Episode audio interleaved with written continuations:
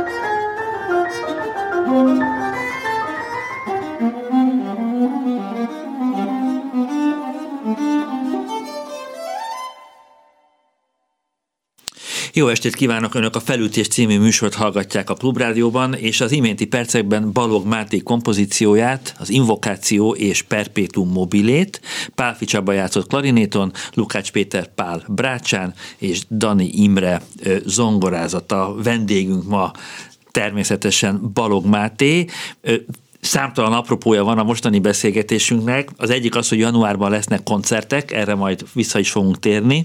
A másik pedig az, hogy 2021-ben ő lett a Győri Filharmonikus Zenekar rezidens zeneszerzője. Ugye többször terveztük, hogy meghívjuk a műsorba Rajna Martin karmestert, akit veled egy időben lett a, ennek a zenekarnak a vezetője, de vagy a Covid, vagy a nem Covid, de valamilyen betegség mindig megakadályozta Martint, hogy eljöjjön hozzánk, és már akkor szóba akartam hozni ezt a témát, hogy most úgy veszem észre, hogy a rezidens zeneszerző fogalma, az, mint hogyha kezdene Magyarországon gyökeret verni, a Budafoki Doknányi zenekarnak Gyöngyösi Levente rezidens zeneszerzője bizonyos tevékenységi körrel, talán mint hogyha a Székesfehérvári zenekar Dobszai Péter mellett Dobri Dániel rezidens zeneszerzőként működik, és Balog Máté pedig a Győri Filharmonikus zenekar mellett. Ez egy olyan intézmény Nyugat-Európában, illetve Amerikában, ami már évtizedek óta létezik. Nyilván zenekara válogatja, hogy éppen mi az adott funkció te hogy gondolsz erre a funkcióra, hogy rezidens zeneszerző? Szerinted mit jelent ez ideális esetben, hogy valaki egy szimfonikus zenekar mellett rezidens zeneszerzőként dolgozik? Szerénység nélkül azt tudom mondani, úgy képzelem el ezt ideális esetben, ahogyan ez most Győrben zajlik. Nem tudom pontosan, hogy a többi zenekarnál ez hogyan történik, azt tudom, hogy Győrben mindezt Rajna Martin találta ki, ez az ő ötlete volt, hogy csináljanak egy ilyen körforgásszerűen változó rezidens státuszt, minden évben egy másik zeneszerzővel szeretnének dolgozni, és semmilyen fajta megkötés nem volt, hogy én itt mit csináljak, hanem leült velem a zenekar vezetősége, és megkérdezték, hogy itt van egy év, mit tudnék én egy év alatt csinálni Győrben és megállapodtunk abban, hogy három szimfonikus művet, illetve két szimfonikus művet és egy kamara művet fogok írni. Mm, ebből egyet már be is mutattak szeptemberben, és ez egy óriási lehetőség szerintem. Nagyon ritkán játszák fiatal, főleg fiatal zeneszerzők műveit, szimfonikus zenekarok, és nagyon sok mindent kipróbálhattam a szeptemberi darabban, ez a Rábertűr című darab.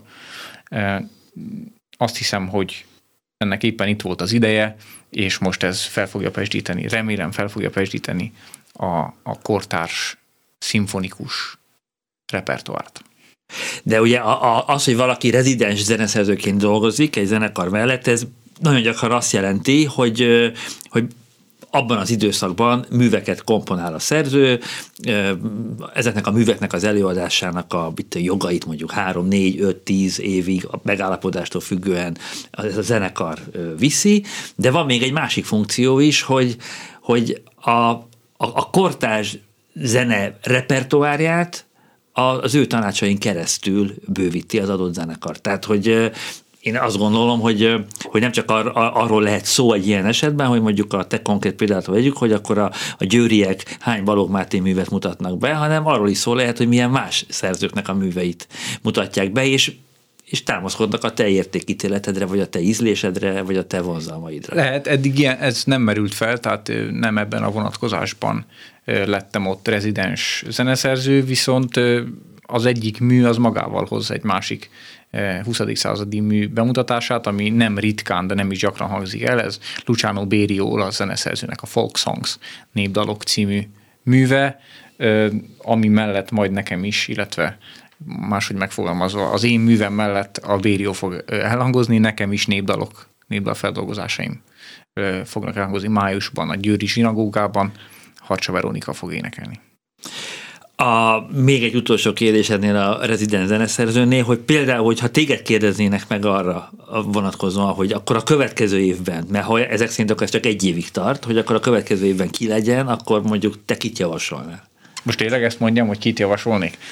Mondjál hát, hármat. Jó, azt hiszem három, jó, hát mondok három olyan szerzőt, aki szerintem most létezik, aktív és ha nem is értek minden értelemben egyet azzal, amivel foglalkoznak, de, de tehát ők, ők egy valid kortársaink és gondolkodnak a világról. Tornyai Péter, Varga Judit és Bella Máté, mondjuk őket mondanám. Uh-huh. Jó, hát akkor ha majd lehet, hogy meg fognak téged kérdezni, amikor ha, Ki ezt, tudja. ha ezt az intézményt ezt tartósan, folyamatosan fönn akarják tartani, akkor miért ne kérdeznék meg a rezidens zeneszerzőt, hogy, hogy kit javasoljon. Jó. Szerintem akkor most hallgassunk meg egy rövid részletet a Ráber Tűre című kompozíciódból, a Győri Filharmonikusokat Rajna Martin vezényli.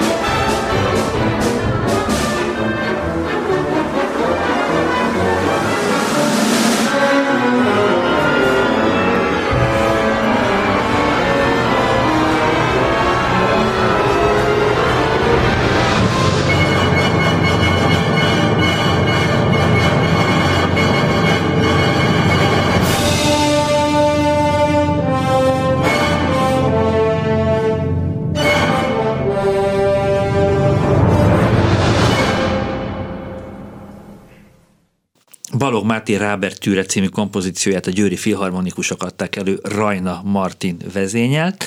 És arról beszéltünk az iménti percekben, hogy rezidens zeneszerzőként mi a dolga egy zeneszerzőnek egy, egy nagy szimfonikus együttes mellett, és például az ő rezidens évének az első produktuma volt ennek a szimfonikus darabnak a, a bemutatása.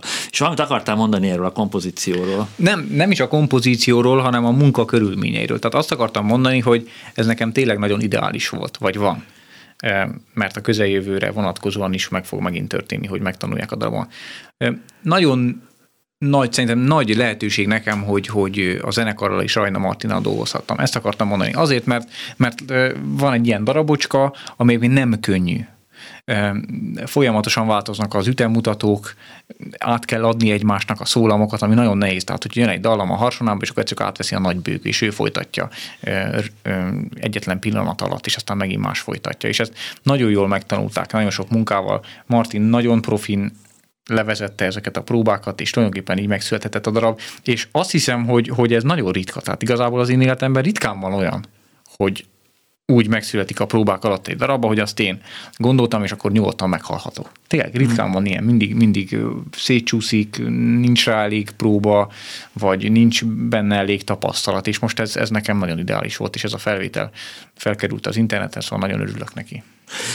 Akartam is kérdezni egyébként, hogy el fog hangozni egyébként majd egy darab az adásnak a végén, amit így a levelezésből kiderült számomra, hogy én, én nekem ez a darab annak idején, amikor bemutatták, ez a Clown Music, ez nekem akkor nem tetszett. Igen. De időközben rájöttem, hogy valószínűleg nem a darabbal van a bajom, mert nem tudom milyen a darab, mert hiszen csak a kottáját láttam, hanem én egy elhangzását hallottam, és nekem az elhangzása alapján van erről egy képem, egy benyomásom, és lehet, hogy majd, amikor harmadszor, negyedszer, ötödször hangzik el, akkor az egész darab megváltozik. És nem csak az én fejemben változik meg, hanem tényleg a darab is változik. Tehát magyarul az, az nem igaz, hogy én nem szeretem ezt a darabot, az az első meghallgatás, az nekem nem volt meggyőző. De most nem is erről akarok beszélni, hanem általában, hogy, hogy téged mennyire most már azt lehet mondani, hogy tulajdonképpen már mondjuk tíz éve professzionális zeneszerző vagy. Tehát az már elég sok idő ahhoz, hogy az ember úgy mérleget tegye a frusztrációit, hogy, hogy mennyire nyomasztasz téged, hogy, hogy egy, egy kortál zenének, mint hogyha ez lenne a kőbevésett sorsa, hogy, hogy nagyon nem születik meg az első előadáskor. Ami... Igen, ez nagyon frusztráló. És nyilván az az elsődleges oka, hogy nincsen tradíciója annak, hogy olyan emberek, akik minden nap a napi rutinban klasszikus zenével foglalkoznak, tehát ezzel a nagy hagyományjal, ami a, nem tudom, a Gregorián útai történik Európában, e, és nem tudják, hogy hogyan kell egy ilyen darabot előadni. És e, Németországban meg tudják, meg Ausztriában meg tudják. Hm. Tehát sokkal több kortárs zene órájuk van a gráci és a bécsi hallgatóknak, mint, mint e, Budapesten, és ez, ez, ez, ez a rutinjukká válik. Tehát akkor is, hogyha nem csak ezzel foglalkoznak. Nekem nagyon sok ilyen élményem van, és ez kicsit persze, na most az elmúlt, ami régen volt, hogy rosszul sikerült egy bemutató, és akkor azt gondoltam, hogy hát én valamit itt nagyon elrontottam. Ez elmúlt. Nekem most már nagyon konkrét elképzeléseim vannak. Uh-huh lehet, hogy ez a, ez a felnőtté válás, vagy nem tudom én. Ha ilyen élményem van, akkor, akkor mindig azt gondolom, hogy többet kellett volna dolgozni rajta, mármint az előadóknak, vagy nekem a próbákon jobban kellett volna instruálni. Ha nem szoktam megkérdőjelezni a darabomat, vagy, vagy, vagy azt gondolni, hogy ez az én hibám. Tehát már nem írsz át például. De, de, nagyon, de átírok, átírok, de szóval nem alapvető dolgot. Szóval például most ö, ö, erre a clown muzikra visszatérve, szerintem egyébként ez jól sikerült ez az előadás, tehát ha neked nem tetszett, akkor az, az neked nem tetszett.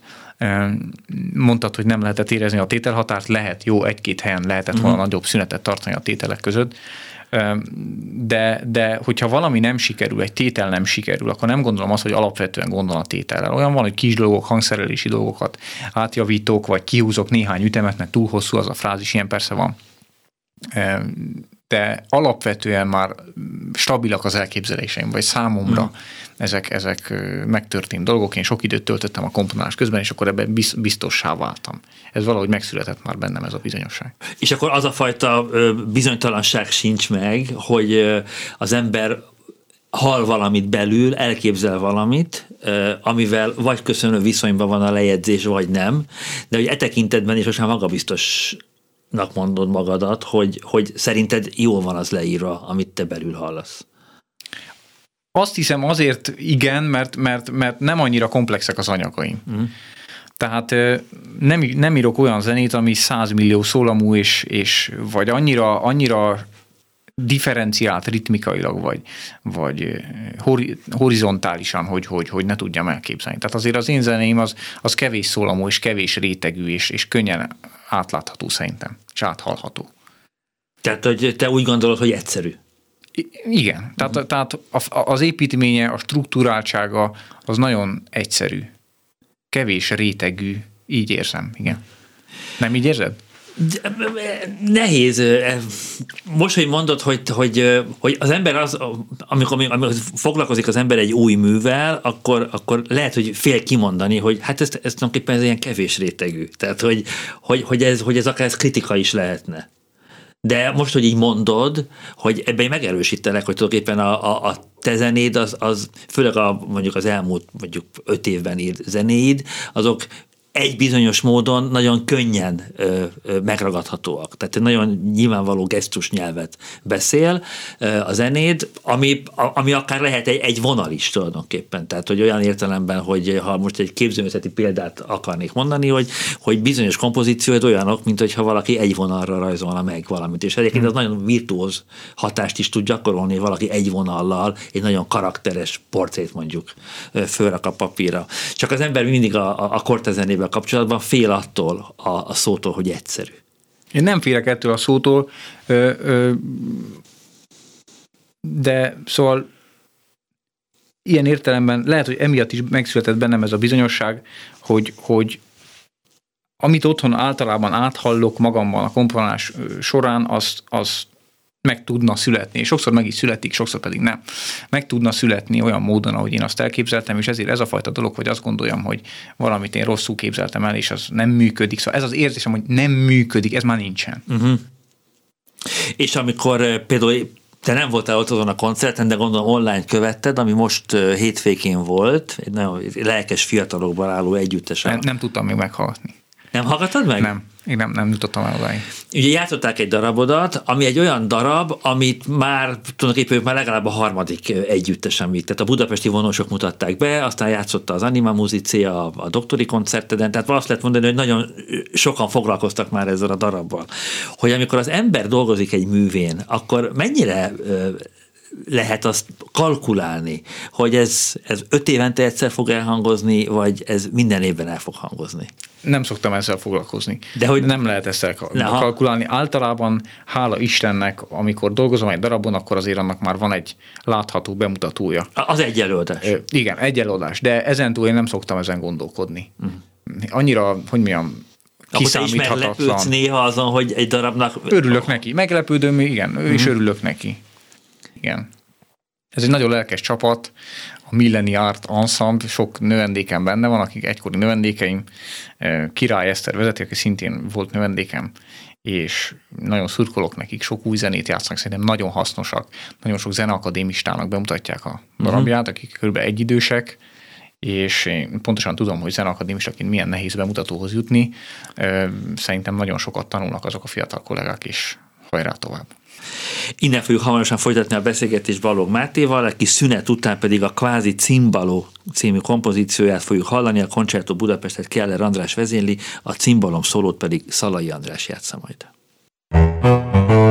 Felütés. A műsorvezető Molnár Szabolcs.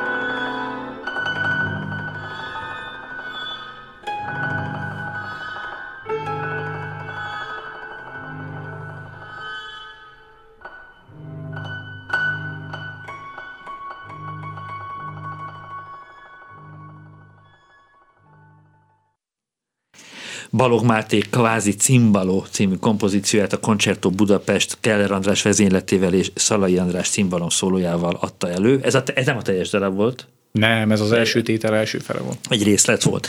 Tovább is Balog Mátéval beszélgettünk, és szerintem most rátérhetünk azokra a hangversenyekre, melyek majd januárban, illetve februárban várnak ránk. Január 18-án a Zenakadémia nagy termében 42. Zsoltár címmel egy szimfonikus kantáta hangzik el az Óbudai Danubia zenekar előadásában, a Kodály kórus működik közre, a Debreceni Kodály kórus, illetve Darázs Renáta szoprán.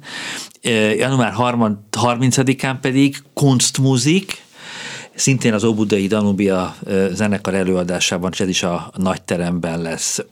Ezek ősbemutatók? Így van, mind a kettő is bemutató.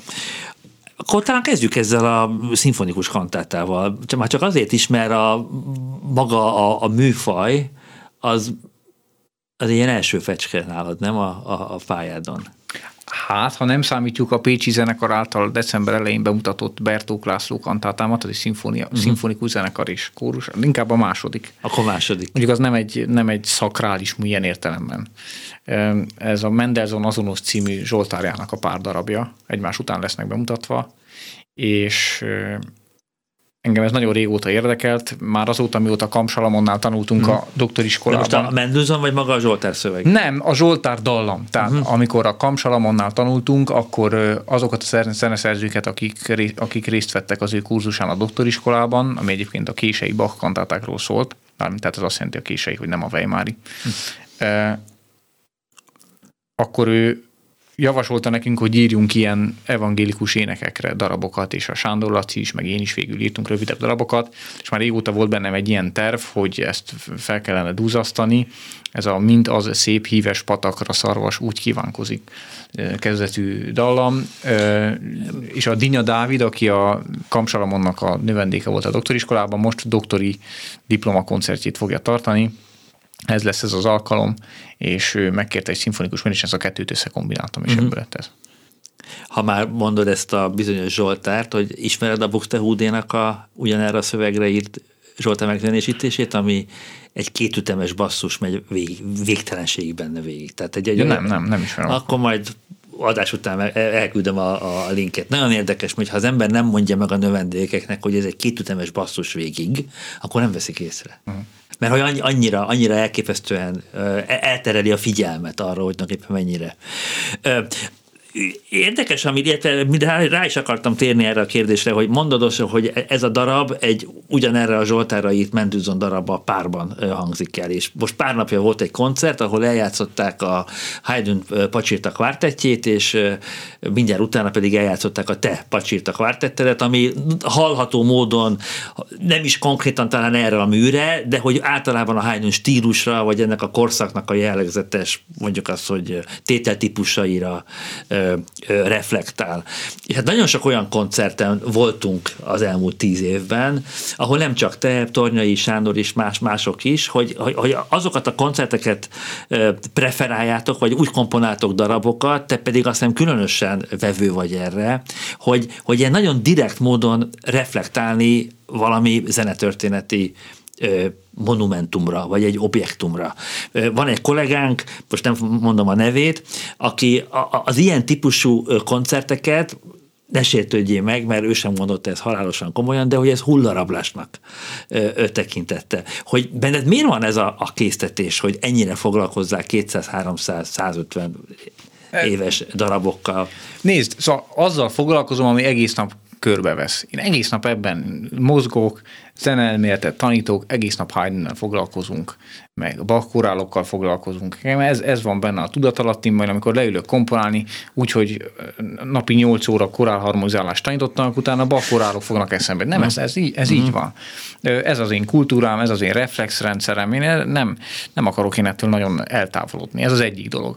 A másik dolog, ha már így van, akkor ez hasznos is. Tehát szerintem nagyon jó módszer az új zene mozgásformáinak és technikájának bemutatására az, hogyha olyan alapanyagot, vagy hogy is mondjam, csontvázat választunk, amit jól ismer a közönség. Uh-huh. Tehát van a Zeneakadémián egy koncert, ahol elmennek a nénikék, akik már sok hajdűnt hallottak, és ismernek egy olyan darabot, ahol van dallam, és van két dimenzióból álló basszus, ami basszusból és miszó, miszó, fázó, fázó, prácsa szólamból áll, akkor ezt ki lehet aknázni, és meg lehet mutatni az én gondolataimat uh-huh. ezen a csontváz rendszeren keresztül. Ez, ez ilyen, szerintem ez ilyen egyszerű.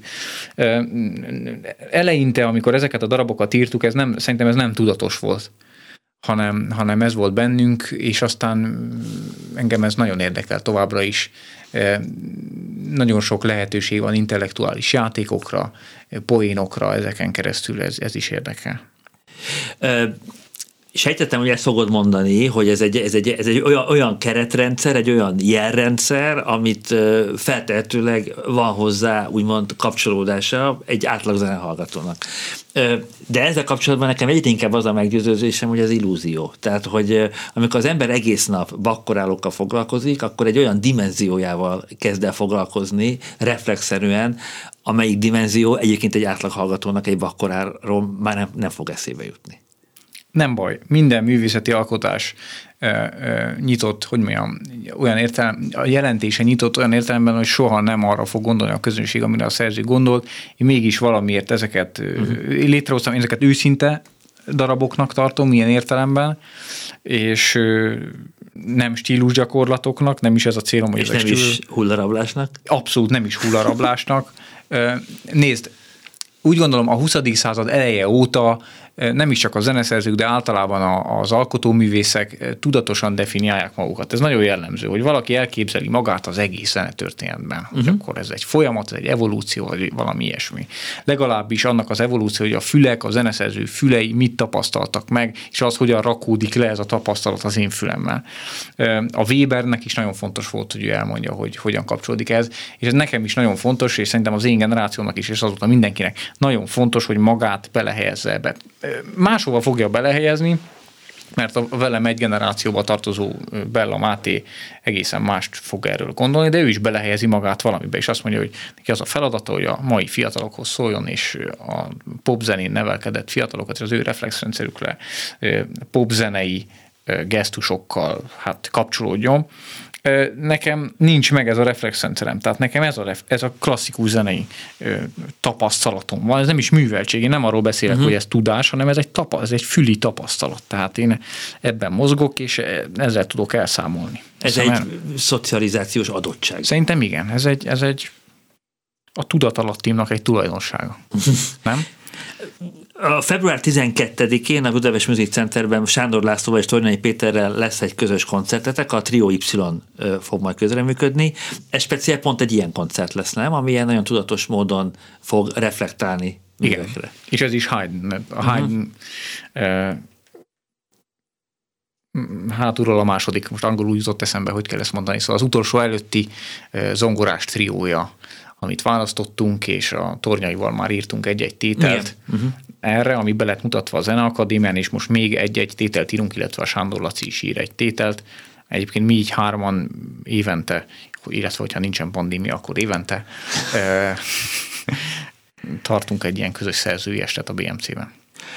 Nemrég az egyik zenekadémiai osztályjal olvastunk egy nagyon jó szöveget, amit Komlós Katalin fordított, egy angol zeneszerzőnek az írása Haydnról, Szerintem lehet, hogy te is olvastad, pár éve jelent meg magyarul, Holloway nevezetű brit zeneszerzőnek a cikke, és arról szól, hogy, hogy, hogy Haydn a zenészek zenésze.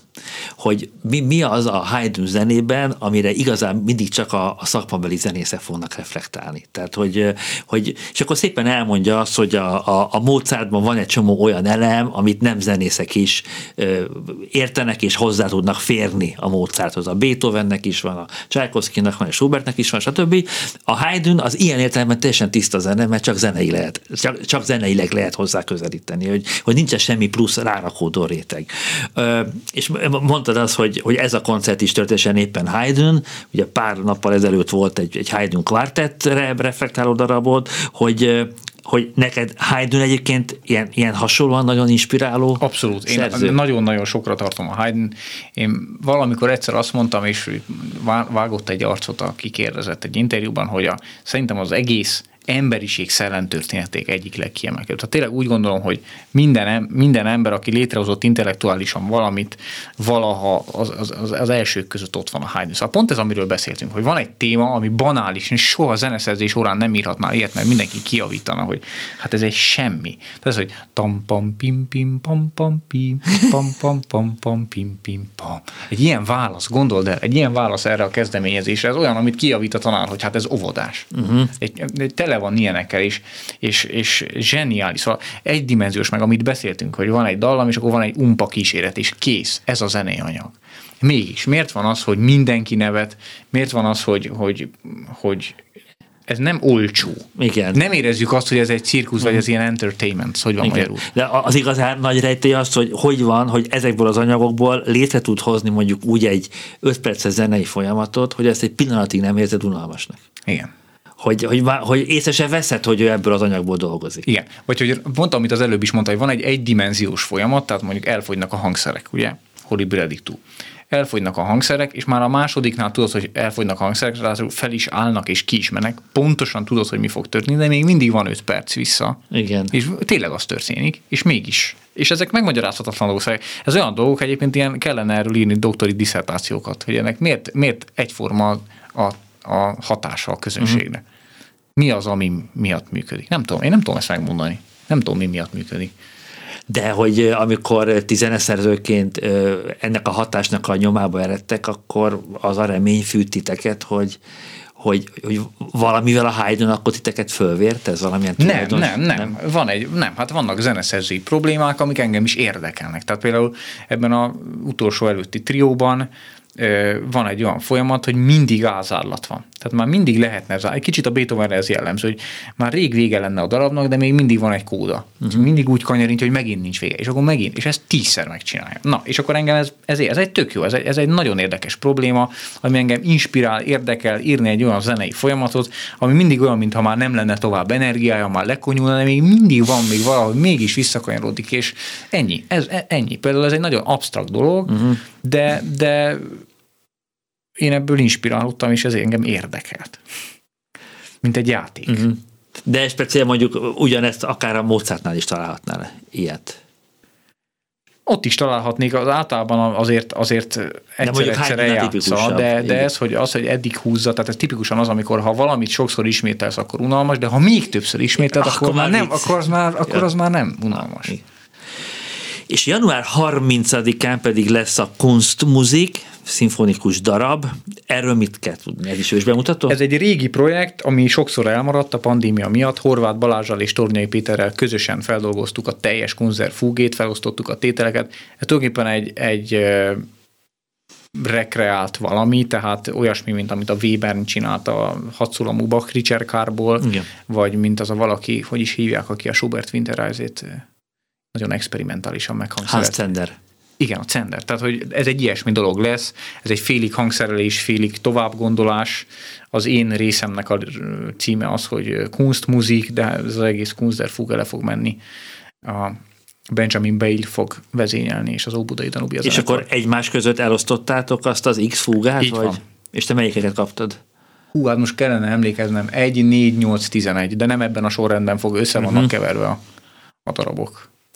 És például a, a, én minden évben nekifutok ö, tanítás szempontjából a, a fuga művészetének, és így a gyerekeknek nyilván nem vallom be, de hogyha valaki azt mondaná, hogy tanár úr, biztos, hogy ezt mondjuk a 20-25. perc után is kell hallgatni? Hogy nem unalmas ez? Hogy ne, nem biztos, hogy elő kell-e adni. Igen, vagy hogy elő kell adni, és hogy és nem, nem biztos, hogy lennének jó érveim. Nézd, egy kicsit ez volt a szándékunk ezzel a dologgal. Aha. Tehát ez egy, szerintem ez egy nagyon jogos kérdés. Az is egy jogos kérdés, hogy ez egy műve, tehát ezt úgy kell előadni, hogy elejétől a Igen. végéig, mint hogy a volt Emperites Klavit sem feltétlenül kell előadni elejétől a végig, ha bár azért néhányan megtették. Ö, Ez az első kérdés. A második kérdés, hogy ez egy tudományos munka-e? Igen. Ami szerintem a Bachnál sokszor felmerül, a, a muzikális szopfenél is felmerül, Igen. hogy ez egy tudományos munka-e. Minden esetre nem esik. Tehát, hogy egy szemnek, intellektusnak szóló dolog, olvasni nagyon... Egy zenetudományi munka, Igen. ami, ami, ami egy hihetetlen intellektuális teljesítmény. Valószínűleg így végighallgatni nagyon nehéz. A Borbély László doktori koncertje az az volt, hogy eljátszotta a koncertfogét elejétől a végéig, és úgy volt vége, hogy, hogy abban marad, ahol a kézirat, tehát egy, egy Igen. szólam benn marad. És akkor emlékszem, hogy egy nénike ott a Zeneakadémia azt mondta, hogy teljesen leblokkolt. hogy nem, nem tudta a keret, nem tudta a sztorit, nem tudta... Hát azt hittem, nem hogy igen, tudta hogy elfelejtette a, Aha. a Laci, hogy hogy van tovább. De egyébként ott ez nem, nem volt nehéz ezt végighallgatni. De nézd, az a baj, hogy kollega vagyok, tehát hogy engem ez érdekel. Végighallgattam, hogy hogy mennek a tükrök, meg minden. Tehát Igen, nyilván persze, nekem ez hát- ezért volt érdekes. Hát nyilván, persze, amikor az ember ezt tanítja, akkor megmutatja, hogy jaj, de jó pofa, hogy az augmentált alaknak a diminuált alak az ellenpontja, jaj, de jó pofa, hogy a tükör alak az tud együtt menni az alapformával. Tehát ezeket elmondja az ember, hogy hogy, hogy van összerakva, de hogy hogy ez, ez, egy, ez valóban egy, egy, egy, egy élvezeti cikké válik-e? Ez a Kimerem kérdés. azt mondani, hogy, hogy valószínűleg ennek a primer meghallgatás nagyon statikus élmény. Uh-huh. Valószínűleg. Mert ráadásul mindegyik ugyanabban a hangnemben van. Ugyanabban a hangnemben van, és végig lehet úgy játszani, hogy ugyanaz a tempó. Igen. végül is. Hiszen amikor ö, 12 8 os akkor is tulajdonképpen, hogyha az csak úgy változik, mint a Gold, Goldberget is így szokták játszani, hogy ez ugyanaz a lüktetés végig. De hát ott nyilván sokkal, sokkal, vari, sokkal izgalmasabbak, hogy nem, variánsabbak, a, a variáltabbak az anyagok, dinamikusabb egyben játszani. Na most a, ez a Bach, ez tulajdonképpen földobta nekem az utolsó kérdést, de a- amúgy is rá akartam térni, csak nem gondoltam, hogy mert pont a Bach fogja az apropót adni, hogy te nem írsz hosszú darabokat. Ugye most a Bach-kal kapcsolatban szóba jött, hogy ez egy ilyen, ha az ember végighallgatja hosszan, akkor egy ilyen statikus élmény, van egy ilyen dimenziója, az ember rászánja az estéjének a mit, másfél órát belőle, az már nagyon komoly elköteleződés egy hallgató részéről, hogyha ennyi időt rászán. Hogy nem tudom, hogy neked a leghosszabb darabod az milyen hosszú? 10 perc vagy? Hát nem, azért van 50 perces darabom, de igen, valóban. Na most ez a Bánkövi Gyula a kollégámnak a mániája, hogy én nagyon rövid darabokat írok. Igen? Igen, mindig ezzel szokott jönni nekem, hogy már megint túl rövid. Én ezt nem hiszem. Tehát, tehát én, én, én nem, nem szoktam azt érezni, nekem túl rövidek a darabjaim. Van egy, vannak ebben a tételekben felvetések, energiafelvetések, és az addig tartalma, én ezt így érzem. Uh-huh. Tehát oké, okay, általában a darabjaim az 6 és 12 perc között szoktak. Én ezt nem érzem kevésnek.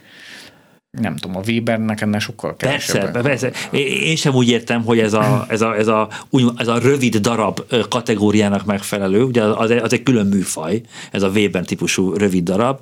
Nem, hanem ha én, én ezt egy pozitív dolognak érzem egyébként, hogy, hogy, hogy valóban, amit mondasz, hogy, van egy felvetés, van egy probléma, vagy egy zenei anyag, aminek, amiben ennyi van, és én azt érzem, hogy, hogy pont mindig úgy van vége, hogy még lehetne egy-két perc. Mm. Tehát magyarul, hogy egy ilyen jófajta kíváncsiságot, egy jófajta hiányérzetet kelt. Amit nem mondtam is neked a vonós négyesednél, hogy a, a, az első tétel az, az akár lehetne hosszabb is, mm. mert hogy van még abban annyi, de hogy Szerintem az egy, ez, egy, az egy, ez a fajta befogadói vélemény, hogy de kár, hogy vége van, ez neked nagyon sok darabodnál szerintem működik. Szerintem ez a, egy darabodnak, ez a sikerének az egyik titka. Szerintem. Lehet, nézd, én tényleg nem érzem, tehát én, én, én, uh-huh. én kereknek, ebből a szempontból kereknek szoktam érezni a darabjaimat. Tehát, hogy annyi energia van benne, amennyi, amennyi annyi elég. Sőt, néha azt érzem, hogy túl hosszú. Pont ez a hegedű versenyem, amit a Vargauszi játszott, az egyik tétel végén, amikor egy ilyen lelassuló szívdobogást mutat a nagy dob, akkor ezt mindig úgy érzem, hogy nagyon hosszú, tehát már hamarabb meghalhatott volna, de még mindig mozog. Most egyébként ez egy coming out, egy operán kezdtem el dolgozni, amit az Umze rendelt tőlem, egy Fitzgerald dráma, a 20-as évek New Orleans-ában játszódik egy ilyen, egy ilyen piros lámpás negyedben, és az, az majdnem egy óra, tehát az mm. egy, most egy nagyobb dolog lesz. És az, az, az mikorra várható, hogy elkészülsz vele? 2023 tavaszán lesz a bemutatója, uh-huh. a tervek szerint a Magyar Zeneházában, az ugyanan épült Magyar Zeneházában. Ez lesz az első félidő, és utána egy Darkai Marci színpadi mű. Uh-huh. Hát akkor már 2023-ra is tudtunk ajánlani valamit, Na. és ráadásul még soha nem tudtunk ajánlani semmit az, a, a Magyar Zeneháza programjaival, úgyhogy akkor ilyen értelemben jól zárult ez az év, ugyanis ez volt 2021-ben az utolsó felütés, egy hét múlva nem lesz adás, és legközelebb pedig január 5-én fogunk újra a húrok közé csapni, Csapó Gyula lesz majd a vendégünk. Nagyon szépen köszönöm, hogy elfogadtad a, a meghívásunkat, alatt. A mai adás elkészítésében Budai Márton volt a segítségünkre, az adás szerkesztője Eszes Kinga volt, és akkor most következik Varga Oszkár hegedű szólójával, az Unze Kamara együttes Tihanyi László vezényli, Balog Mátétól a Clown Music című darabnak egy részlete.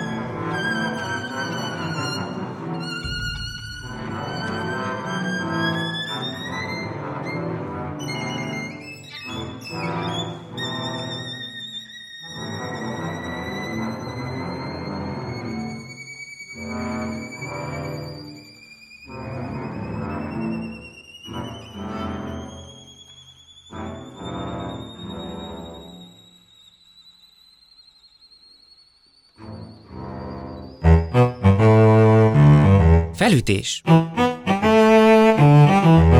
Remek művek és alkotóik a klasszikusok vonzásában. Molnár Szabolcs műsorát hallották. Az előbb elhangzott műsorunk már podcastként is elérhető az interneten. Keresse és kövesse a Klubrádió archívumában, a Spotify-on, az Apple vagy a Google Podcast rendszerében. Klubrádió